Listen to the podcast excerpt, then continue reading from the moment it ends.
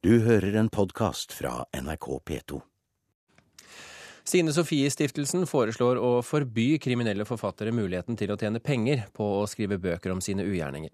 Forslaget er i dag aktualisert etter at det ble kjent at Anders Behring Breivik skriver bok om det som skjedde 22.07.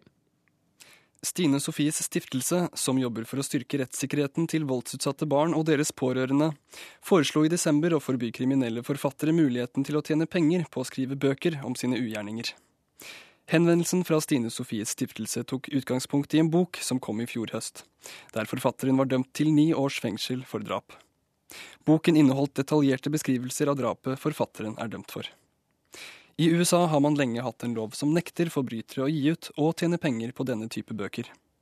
Lovforslaget aktualiseres i dag ved at man før jul fant ut at Anders Behring Breivik er i gang med bok, der han skriver om sine handlinger 22.07. og ideologien som fikk han til å utføre dem. Forslaget ble rettet mot Justisdepartementet, som i et svar til stiftelsen skriver at de vil vurdere behovet for en slik lovendring. Justisdepartementet ville ikke la seg intervjue om saken i Kulturnytt i dag. Ada Sofie Austegård, leder av Stine Sofies stiftelse. Hvorfor mener dere at et slikt forbud må på plass? Vi mener det må på plass pga. at det kan være svært støtende for fornærmede og etterlatte når en gjerningsperson som har utført en, eh, en, grusom kriminell handling, skal ha muligheten til å ytre hva som skjedde i gjerningsøyeblikket. Eh, da er det snakk om detaljer rundt eh, hvor, hvilken retning blodet spruta, hva vedkommende sa osv. Det er altså detaljer rundt drap. Men vi jeg vil understreke at regelverket Vi ønsker ikke at et sånn et regelverk skal kunne forby domfelte å fortelle sin historie. Men at eh, lovverk skal kunne brukes til å konfiskere enhver profitt den domfelte får som følge av salg, salget av historien sin. Har dere opplevd dette som et krav fra pårørende?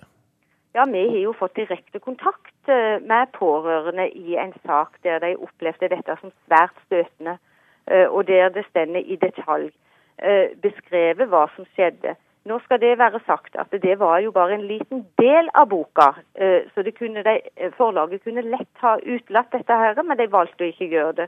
Og vi har vært i kontakt med forlag som opplyste om at de ikke har noen rutiner for å vurdere om en bok vil virke støtende på noen grupper. For oss så virka det tvert imot som at dette var totalt ukjent for dem, og at det i det hele tatt skulle være noe problem i, i det hele tatt. Kari Spjelnes, forlagsredaktør i Aschehoug Forlag. Ehm, dere har gitt ut denne boken som det ble henvist til her, den som heter 'Et helvetes liv'. Hvorfor gjorde dere det? Fordi vi mener det er en god bok. Det er en viktig bok som forteller om eh, hvor, hvor, forfatteren og da hovedpersonen forteller om et liv som på ingen måte er et A4-liv. Det er et eh, liv til dels på siden av storsamfunnet med ganske store problemer med å passe inn både i arbeidsliv og de andre kategoriene som eh, vårt vanlige Norge tilbyr folk flest. Og han byr veldig sjenerøst på ganske mange smertefulle og vanskelige erfaringer i sitt eget liv. Men hvorfor, men hvorfor var disse detaljene så viktige om eh, hvilken vei blodspruten står osv.? Jeg, må få lov, altså, jeg kan nesten ikke kommentere her på lufta detaljer rundt de redaksjonelle vurderingene vi har gjort med den utgivelsen. Men jeg kan forsikre både Austigard og andre om at det har vært underlagt veldig tid vurdering her hos oss. Jeg kan selvsagt heller ikke si noe om hvordan, uh, hva, hva, som eventuelt er utelatt, eller hvordan ting kunne ha stått. Jeg vil bare si at her er ting vurdert både av høyst kompetente lesere og forlagsfolk hos oss, og vi har også hatt juridiske vurderinger av det. Nettopp fordi vi har vært klar over at dette er et følsomt materiale. Og jeg må si at jeg, jeg kjenner meg ikke igjen i en beskrivelse av at vi som forlag ikke tar høyde for de ulike sidene ved et manuskript. Det kan godt hende at vi fra tid til annen ikke gjør de riktige vurderingene eller ikke gjør ting godt nok, men i hvert fall for å snakke på våre vegne her i Aschehoug, så er vi så godt vi kan, eh, prøver vi å ta hensyn til de ulike aspektene ved en utgivelse. Syns du det er en god idé å forby eventuelle inntekter på denne type litteratur? Nei, jeg syns det er veldig vanskelig, og det er jo først og fremst i et prinsipielt perspektiv. Fordi jeg skjønner ikke hvordan man skulle klare å trekke skillene på en god måte. Eh, jeg kan jo f.eks. nevne at altså, per i dag så følger vi norsk lov, som er sånn at altså, de som sitter inne eller er eh, dømt, de har, eh, de har ikke fradømt retten til å skrive eller ytre seg. Og mm, hvis vi finner det riktig at en bok skal komme ut fordi den er god og, og har en plass på våre lister, så har vedkommende også rett til inntekter på linje med andre forfattere.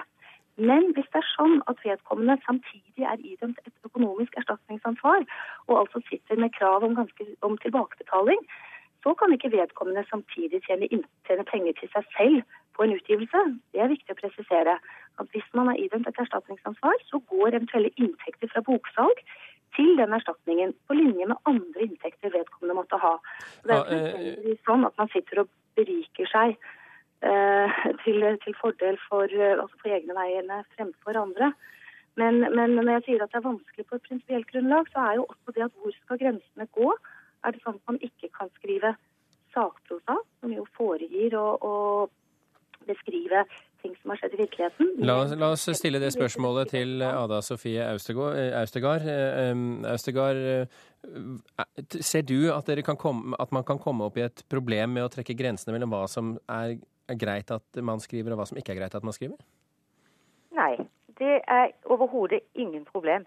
Når det er snakk om detaljerte beskrivelser av en grusom kriminell handling, så burde det være godt nok. Det som er bekymringsfullt, det er jo at det er blitt uttalt i media i dag at de mener at det er så god etikk og moral blant forlagene i Norge i dag at dette er ikke noe problem.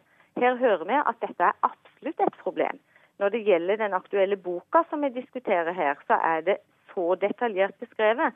Og vi kan tenke oss andre kriminelle handlinger der vi skal få de samme tankene og følelsene når vedkommende gjerningsperson begår drap eh, og gir detaljerte beskrivelser, eh, så tror jeg nok at det kan bli ganske heftige diskusjoner rundt det. og Derfor er det viktig at dette lovverket kommer på plass nå.